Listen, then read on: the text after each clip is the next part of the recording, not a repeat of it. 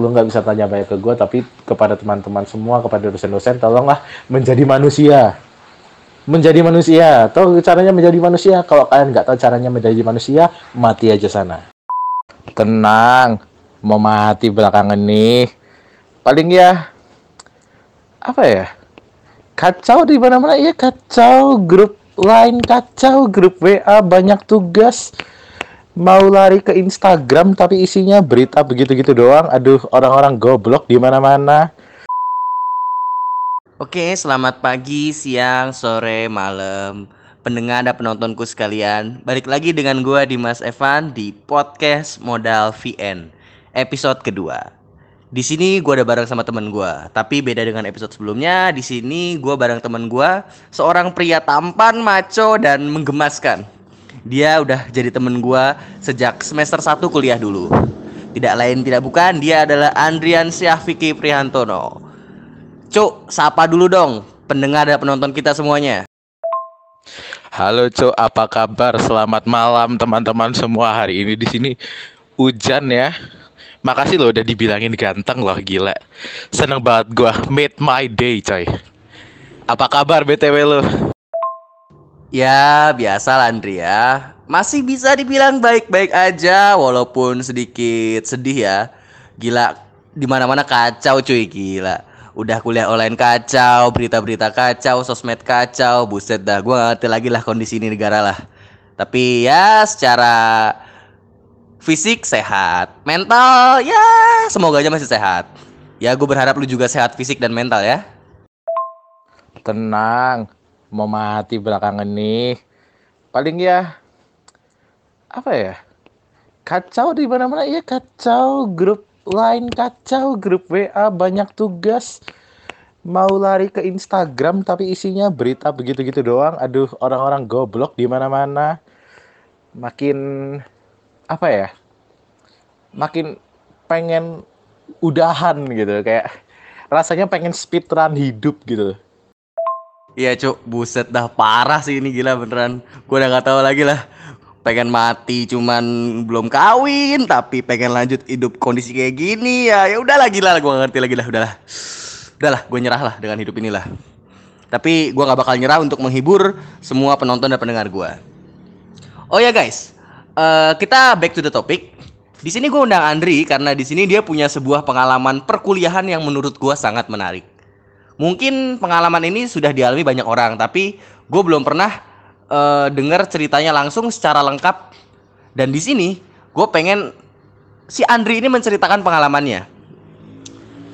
Jadi gini guys, semester 4 lalu si Andri ini dia ambil cuti. Dan beruntungnya dia, ketika dia cuti, dia tidak mengalami yang namanya kuliah setengah-setengah, setengah online, setengah offline. Tapi kita kan nggak tahu dia ngapain aja cuti nih. Makanya gue pengen tahu. Jadi Indri, tolong ceritakan ke gue dan para penonton serta pendengar gue ini apa aja yang lu lakuin selama lu cuti.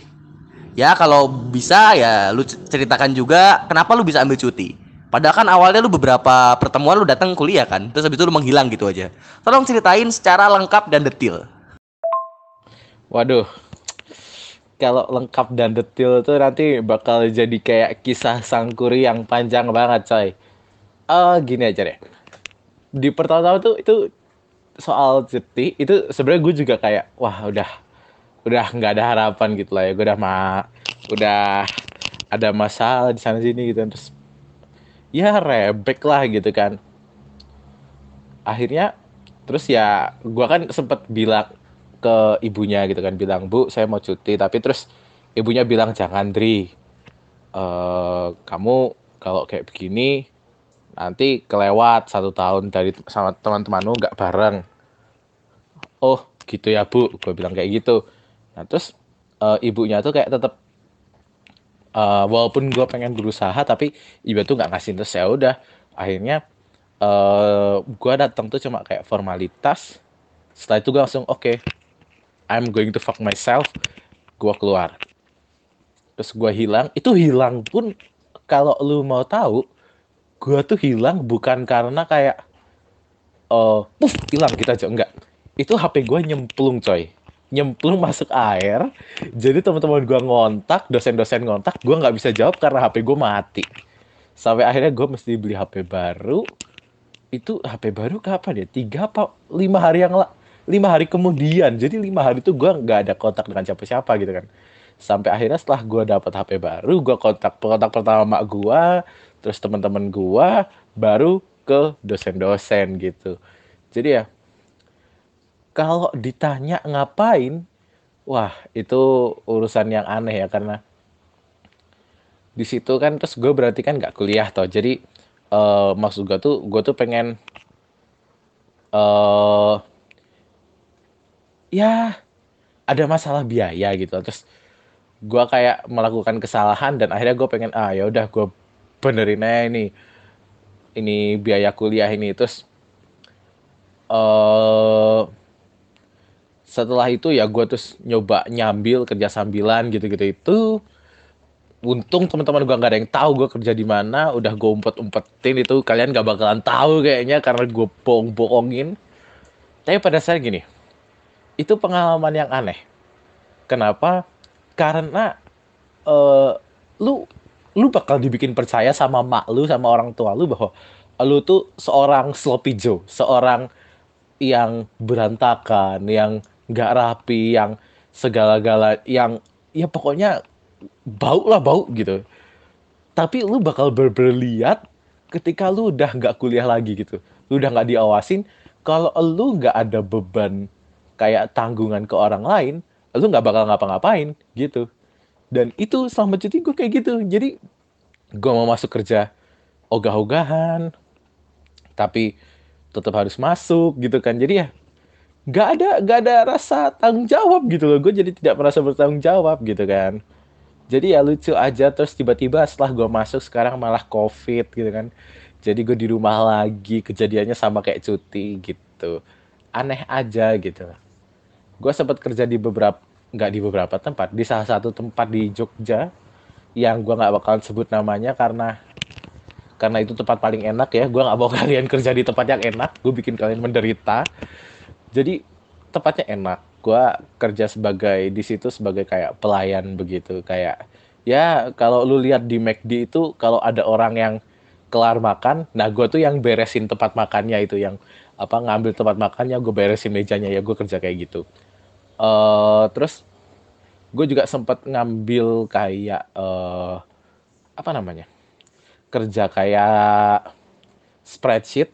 Jadi gue sortir kayak sortir data begitu. Lumayan berat tapi lumayan duitnya. Cuma ya seperti yang gue bilang tadi aneh-aneh aja gitu. Ada yang kalau misalkan seperti yang tadi gue bilang kalau misalkan lu nggak nggak punya beban nggak punya rasa nggak punya tekanan dari luar lu nggak bakal garap. Gue nggak tahu lu siapa tapi lu bukan Leo men. Lu bukan Leo. Leo tuh kalau walaupun gak ada tekanan dia garap gitu. Oh ya ngomong-ngomong disclaimer buat teman-teman yang eh, nggak kuliah bareng gue ataupun Dimas eh, Leo ini salah satu teman kita yang paling rajin ya. Dia anak paling oke lah kalau begitu gitu. Ini gue baru tahu nih, sumpah. Ternyata begitu ya. Ternyata cuti itu nggak seperti yang kita bayangkan ya. Kalau orang bayangkan kan cuti itu ah gue cuti ah supaya gue bisa kerja, gue nyari duit, gue nabung. Tapi pada kenyataannya ketika lu cuti malah lu kayak nggak ngeras kayak ngerasa nggak ada tanggung jawab, terus nggak ada beban, istilahnya nggak ada tanggungan lah ya, nggak ada tuntutan, misalkan tuntutan untuk berprestasi lah atau segala macam. Lu jadi ogah-ogahan. Berarti sebenarnya kalau eh, bisa gue simpulkan Lu kalau misalkan saat itu bisa nggak cuti, lu milih nggak cuti ya? udah jelas gue bakal milih gak bakalan gitu kan. Karena situasinya aneh ya. Kayak lu pernah gak sih minum teh? Tehnya itu terlalu panas. Terus lu tunggu apa dingin biar agak dingin. Tapi pas lu inget itu teh lu pegang lagi itu tuh udah anyep. Ya rasanya kayak gitu. Rasanya tuh aneh banget mau dibilang enak enggak dibilang nggak enak juga enggak gitu. Lu bener hidup tanpa tekanan lu bener hidup tanpa ada motivasi lu bener ada nggak ada hidup kayak oh gua bakal bersaing nggak ada. Lu bener ketika lu hidup kayak gitu kalau lu gak keluar mencari kehidupan sosial kehidupan sosial gak bakalan datang gitu. Beda kalau misalkan di sekolah di sekolah mau nggak mau lu bersosialisasi men. Mau lu anak introvert ataupun ekstrovert ke sekolah pasti lu kena ngobrol sama siapa.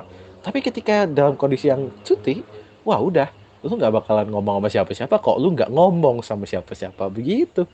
Jadi ya gue nggak bakal menyarankan gitu kepada teman-teman ya sumpah gue nggak bohong kalau kalian mikirnya oh enak banget ya kayak nggak kuliah jangan no please nggak usah pikirin itu. Itu gak enak banget itu ganggu doang lu bakal merasa bersalah dan merasa bersalah itu bakal jadi perasaan yang aneh ganjelnya gitu.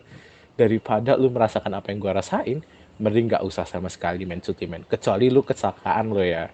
Atau kayak uh, temen gue yang di Jakarta dia karena emang ada masalah dan harus terapi dia akhirnya milih ya udah gue nggak kuliah dulu supaya gue bisa fokus terapi sembuh.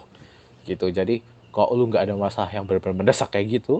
Jangan men. Sumpah men kampus udah menyediakan banyak cara supaya lu tuh tetap bisa kuliah men.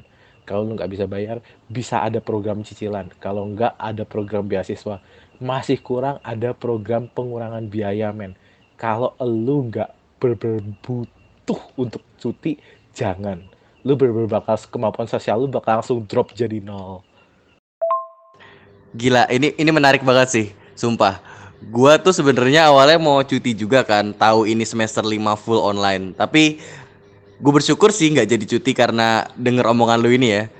Karena gue juga waktu kemarin liburan jeda semester 5 ke semester eh, semester 4 ke semester 5 itu gue juga ngerasa bener-bener anjir ini gue memang gak ada beban sih tapi kok jadi super gabut bener-bener daril dat true gabut bener-bener gabut gitu.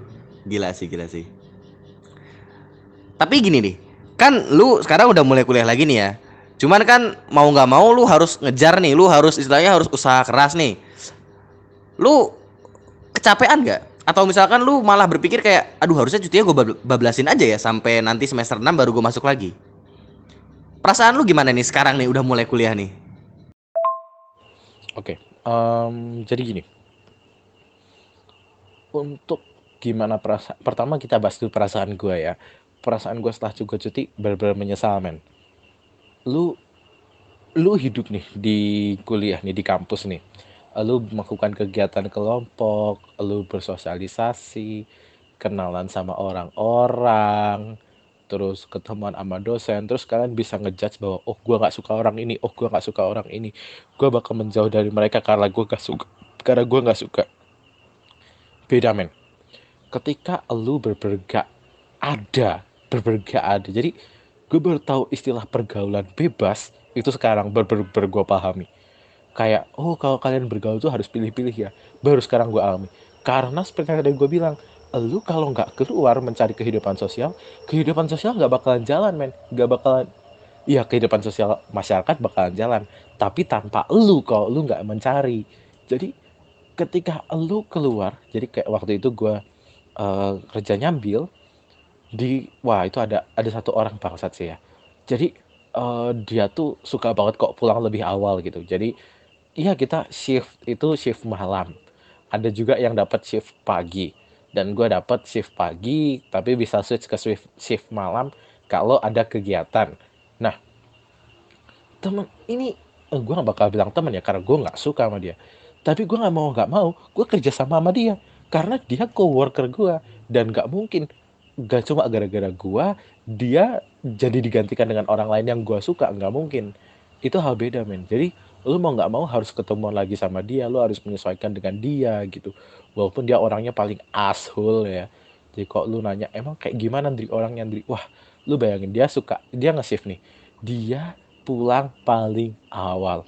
Ya emang sih. Lebih awalnya cuma paling lebih awal 10 menit lebih awal 5 menit. Itu nggak masalah. Tapi buat kita kita akhir 10 menit dan akhir 5 menit itu itu tuh full. Kita bersih-bersih resto kalau udah mau tutup. Dan dia pulang seenak jidat. Dia nggak ikut bersih-bersih. Dia nggak gue dapet tugas nyuci piring tadi dibagi dua jadi gue doang yang ngerjain. Nah itu makan tuh. Dan ketika gue mau komplain karena cuma 10 sampai 5 menit eh, paling orang itu coba bilang ya ya sudah lah kalau dipotong juga mau dipotong berapa gajinya cuma 10 menit. Nah itu. Jadi kalau orang-orang bilang wah uh, kayak kalau sekarang kan lu misalkan dim lu misalkan dim lu nggak suka sama si A lu jauhin kalau di dunia kerja nggak bisa men itu itu makanan lu itu coworker lu Elu menyesuaikan dengan lingkungannya, bukan dia menyesuaikan lingkungan elu begitu. Dan itu perasaan gue. Jadi gue bersalah, gue merasa bersalah dan merasa aneh. Tapi terus sekarang ketika gue masuk lagi, ada perbedaan ya. Beber kemampuan sosial gue balik seperti yang tadi gue bilang, gue nggak perlu haha mencari kehidupan sosial, nggak perlu. Gue tinggal nunggu kelas, kehidupan sosial datang, easy. Tapi ketika perbedaannya tiba-tiba gue jadi kayak merasa lebih cepat lelah gitu loh.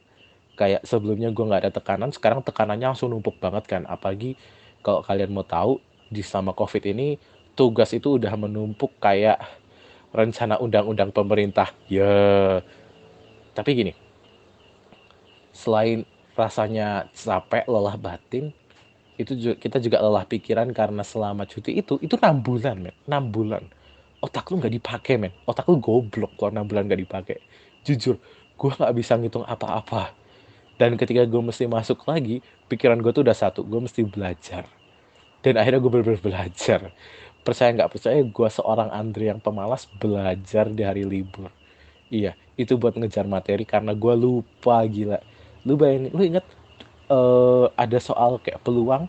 Dulu gue bisa sekarang gue udah nol gue udah lupa. Dan mau nggak mau harus belajar lagi. Jadi kemarin ketika ada teman-teman nanya soal-soal yang susah gue angkat tangan men. Geobit gue angkat tangan men. Sebelumnya gue terima sekarang gue angkat tangan men karena gue udah lupa. Jadi perbedaannya dah otak lu makin goblok kalau cuti.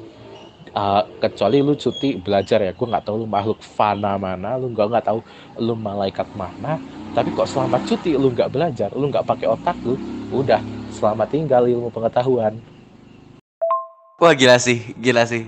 Gua dapat dua poin penting di sini ya. Jadi poin penting yang pertama tuh ketika lu keluar dari kuliah ya, entah katakan itu cuti, entah katakan itu lulus, lu tuh bener-bener akan dihadapkan pada the next level kebangsatan manusia-manusia di luar sana gitu ya. Jadi kebangsatan teman-teman lu yang saat kerja kelompok itu nggak ada apa-apanya dibanding kebangsatan manusia-manusia di luar sana gitu ya. gila sih, gila sih. Tapi emang bener sih, gue juga mengalami uh, kayak misalkan enam bulan otak nggak dipakai iya terus mengalami istilahnya sempat kerja juga gue juga dulu sempat kerja waktu sebelum masuk kuliah dan itu memang manusia-manusia di luar sana tuh lebih bangsat dibanding teman-teman lu yang kalau uh, dimintain uh, kerjaannya pas kerja kelompok terus dia ngilang gitu. Itu jauh lebih bangsat dibanding itu gitu. Jadi kebangsatan tugas-tugas kelompok dan kebangsaan teman-teman lu yang suka hilang-hilangan pas dicari-cari itu masih belum ada apa-apanya sih. Karena biar gimana pun mereka juga punya tanggung jawab yang sama di kuliah gitu. Gila sih gila sih. Tapi ini bener-bener pengalaman real life yang bermakna banget sih. Buat pendengar dan penonton ini kalian harus simak baik-baik sih pengalaman teman saya yang ya begitulah.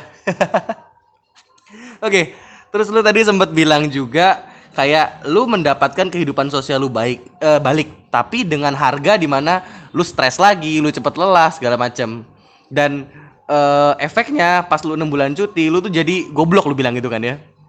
Karena otak lu nggak dipakai. Terus menurut lu nih menurut lu sekarang dengan kondisi lu yang udah belajar seorang Andri yang belajar ketika hari libur gitu. Lu udah bisa lagi belum menyesuaikan diri dengan kehidupan kuliahan? Apalagi kan online gini jujur aja gue yang udah ngalamin online pas semester kemarin aja sampai sekarang gue masih merasa belum bisa menyesuaikan. Tugas-tugasnya juga makin gila. Kemarin tuh masih enak gitu istilahnya gue juga merasakan otak gue nggak dipakai kecuali pas ujian. Tapi sekarang ini bener-bener otak gue di push the the next level. Bener-bener gila sih emang mengatakan gue mengatakan semester 5 ini gila sih. Dan lu gimana gitu? Lu udah cuti udah lu bilang lu makin menjadi goblok terus lu juga SKS pasti lebih banyak daripada kita semua.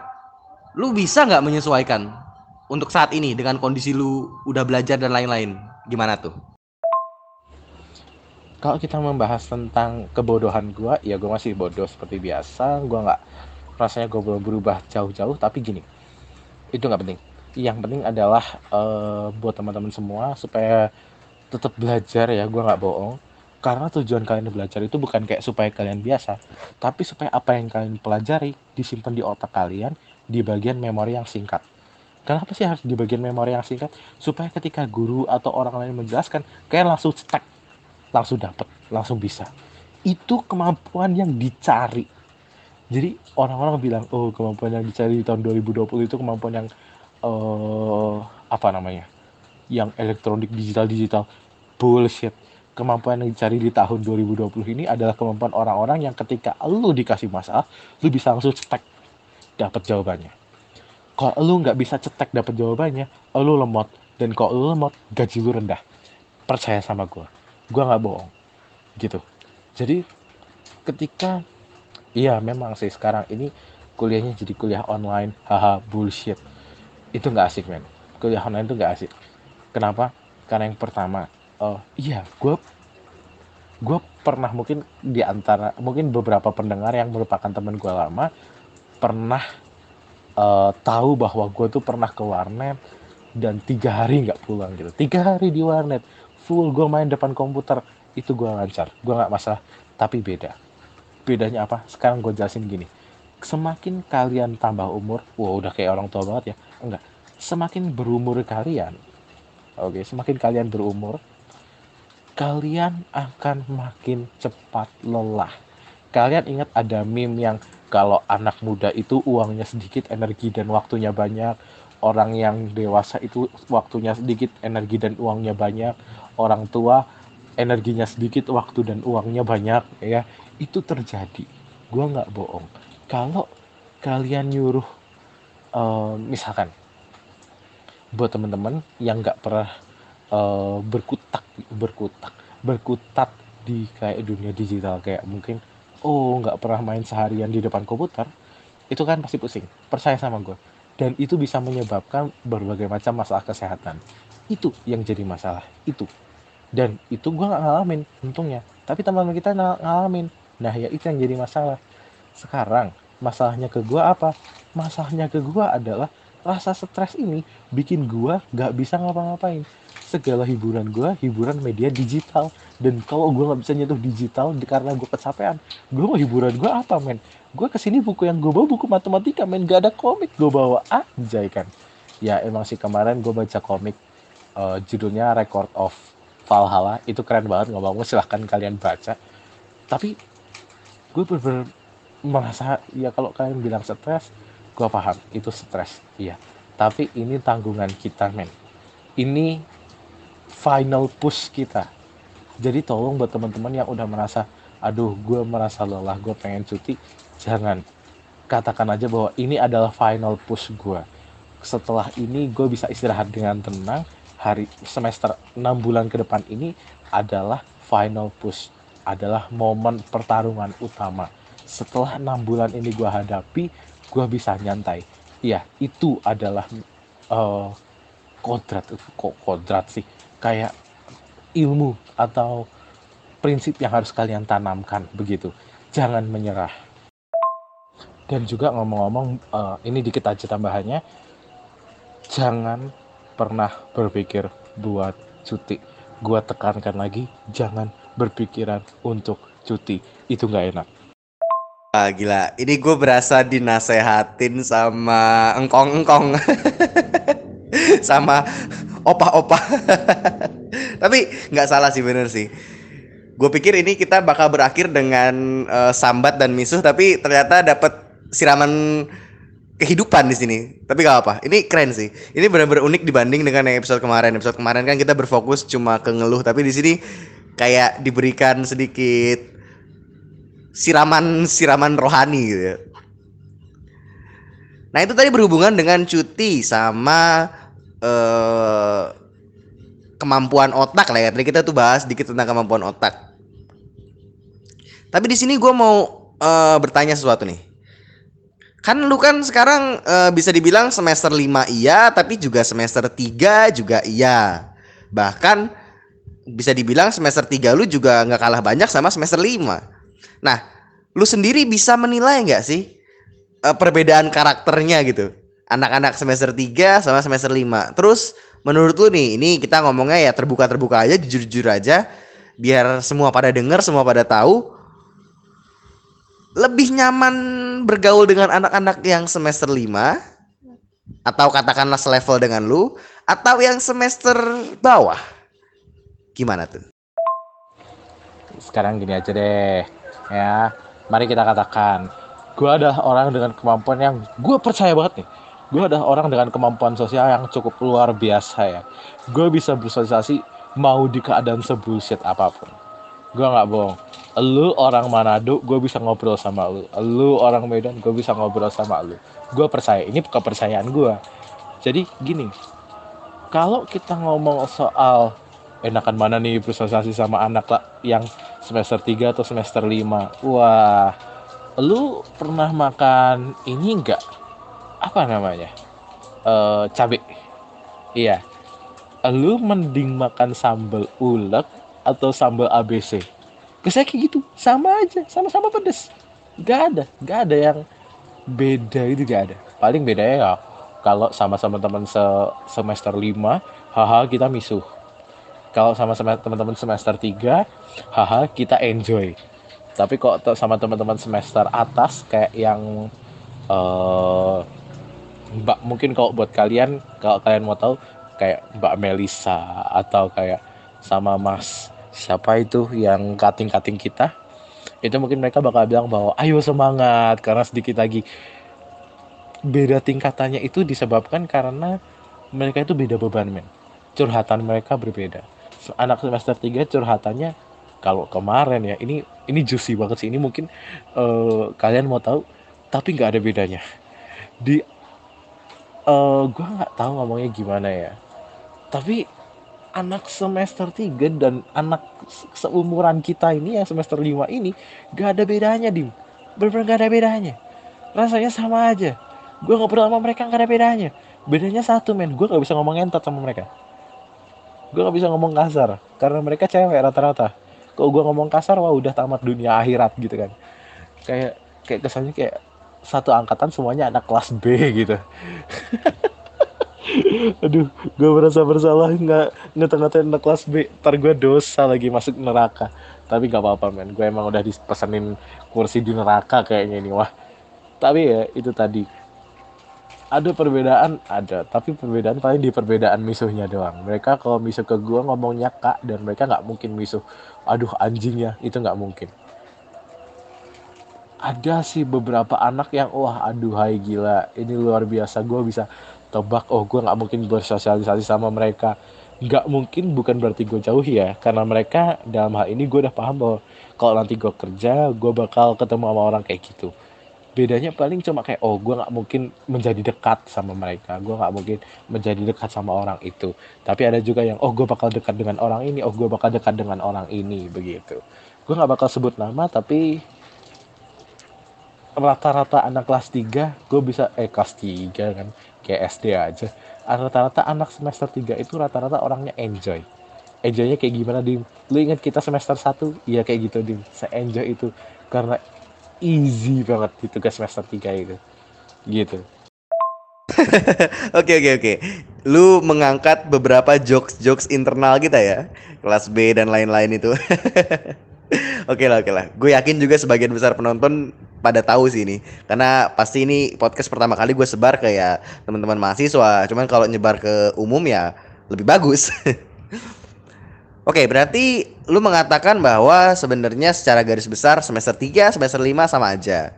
Misuh, misuh juga sama. Cuman memang lu nggak bisa sefrontal sama kita-kita gitu ya.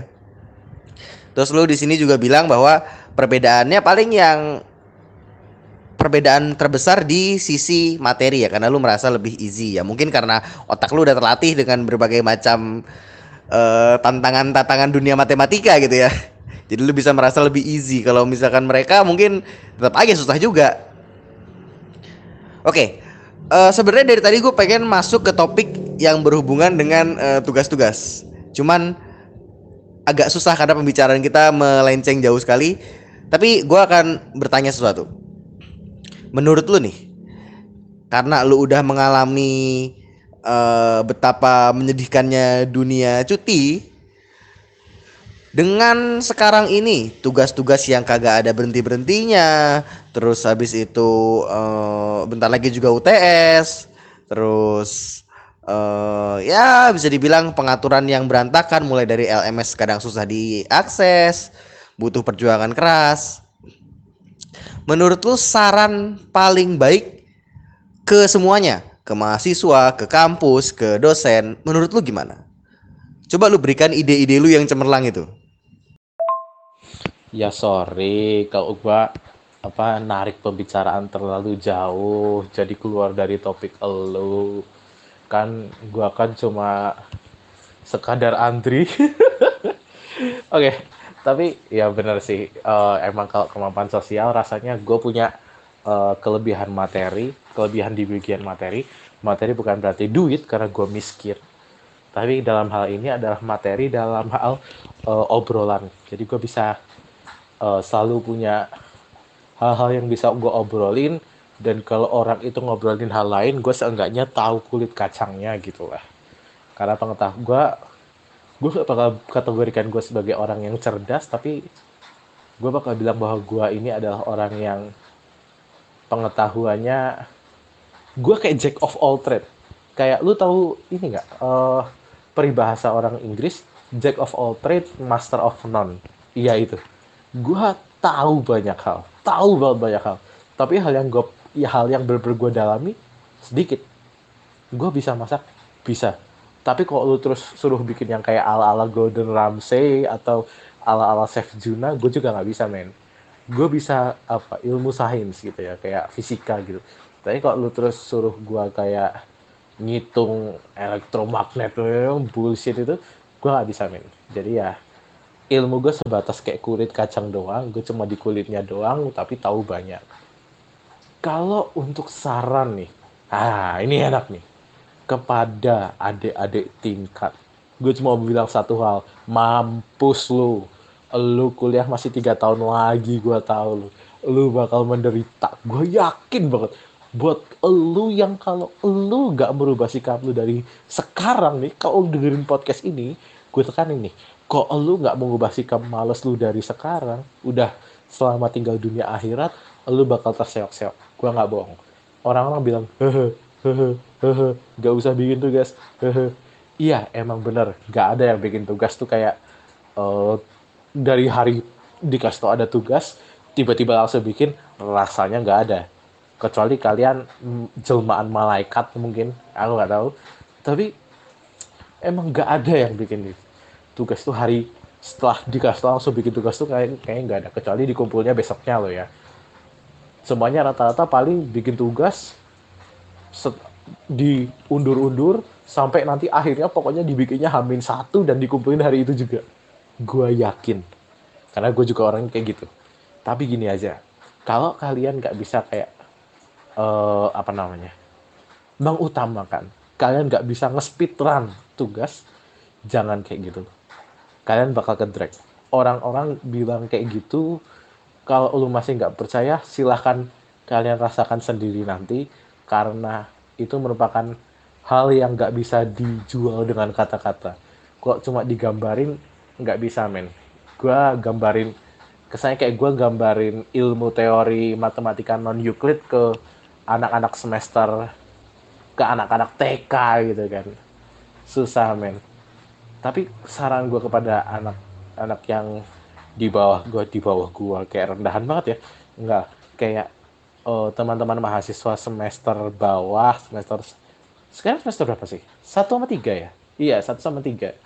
Buat kalian yang semester satu sama tiga silahkan berjuang ubah sikap kalian jangan jadi ashul karena nggak ada orang yang mau temenan sama ashul kalian mau tahu orang ashul kayak gimana?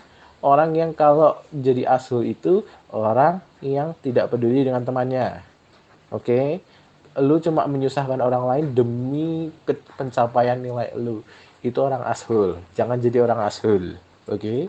Nggak ada orang teman mau orang sama orang ashul orang ashul pantasnya dibuang ke tempat pembuangan akhir TPA terus saran gua buat teman-teman yang sekarang nih semester 5 sama gua yoloin aja. Kalau kalian nih masih takut-takut nanya ke dosen dadah karena rasa-rasanya Leo ya kalian bisa mengharapkan teman-teman kita yang pinter kayak Leo, Olin, eh, Yudit, terus Adit yang di kelas C, eh C ya? apa B ya Adit ya? Kayak Adit kelas B. kita kayak nggak bisa diharapkan itu tapi eh YOLOin aja kalau kalian bingung silahkan ditanyakan jangan terus kalian PC setelah kalian menanyakan eh setelah materinya selesai jangan. Karena kebanyakan anak semester 5 nggak tahu what the fuck mereka lakukan. Gue percaya nih gue lu lu bisa ambil taruhan dari gue setengah dari kita yang semester 5 bahkan nggak tahu itu tugas tuh buat apa tujuannya. Kayak tujuannya exist ada itu buat apa. Eksistensinya tuh dipertanyakan gitu. Terus buat teman-teman yang teman-teman dosen. Enak aja teman-teman dosen ya? Wah gue cuma pengen ngomong aja nih. Tolong pak. Ya. Bu ya. Kalian materinya susah nih. Gue nggak bohong. Otak kita dan otak anda beda. Ilmu kita beda. Kalau kalian menjelaskannya dengan online de, kalau menjelaskannya online menggunakan metode-metode kayak di kelas ya sama aja bohong. Kita nggak ada yang paham ya jujur aja ya gue kaljut nggak paham apa-apa men. Gila. Gue bisa sih gue paham itu itu tuh suruh what the fuck apaan itu? Tinggal ngomong oh pada dasarnya Kalju tuh cuma cuma suruh nyari limit. Haha selesai. Enggak pembicaranya di drag. Oh my god yang gue nggak paham apa-apa. Mohon maaf nih ya kepada dosen-dosen yang ngajar gue tapi walaupun gue bisa gue tahu gue bisa nih.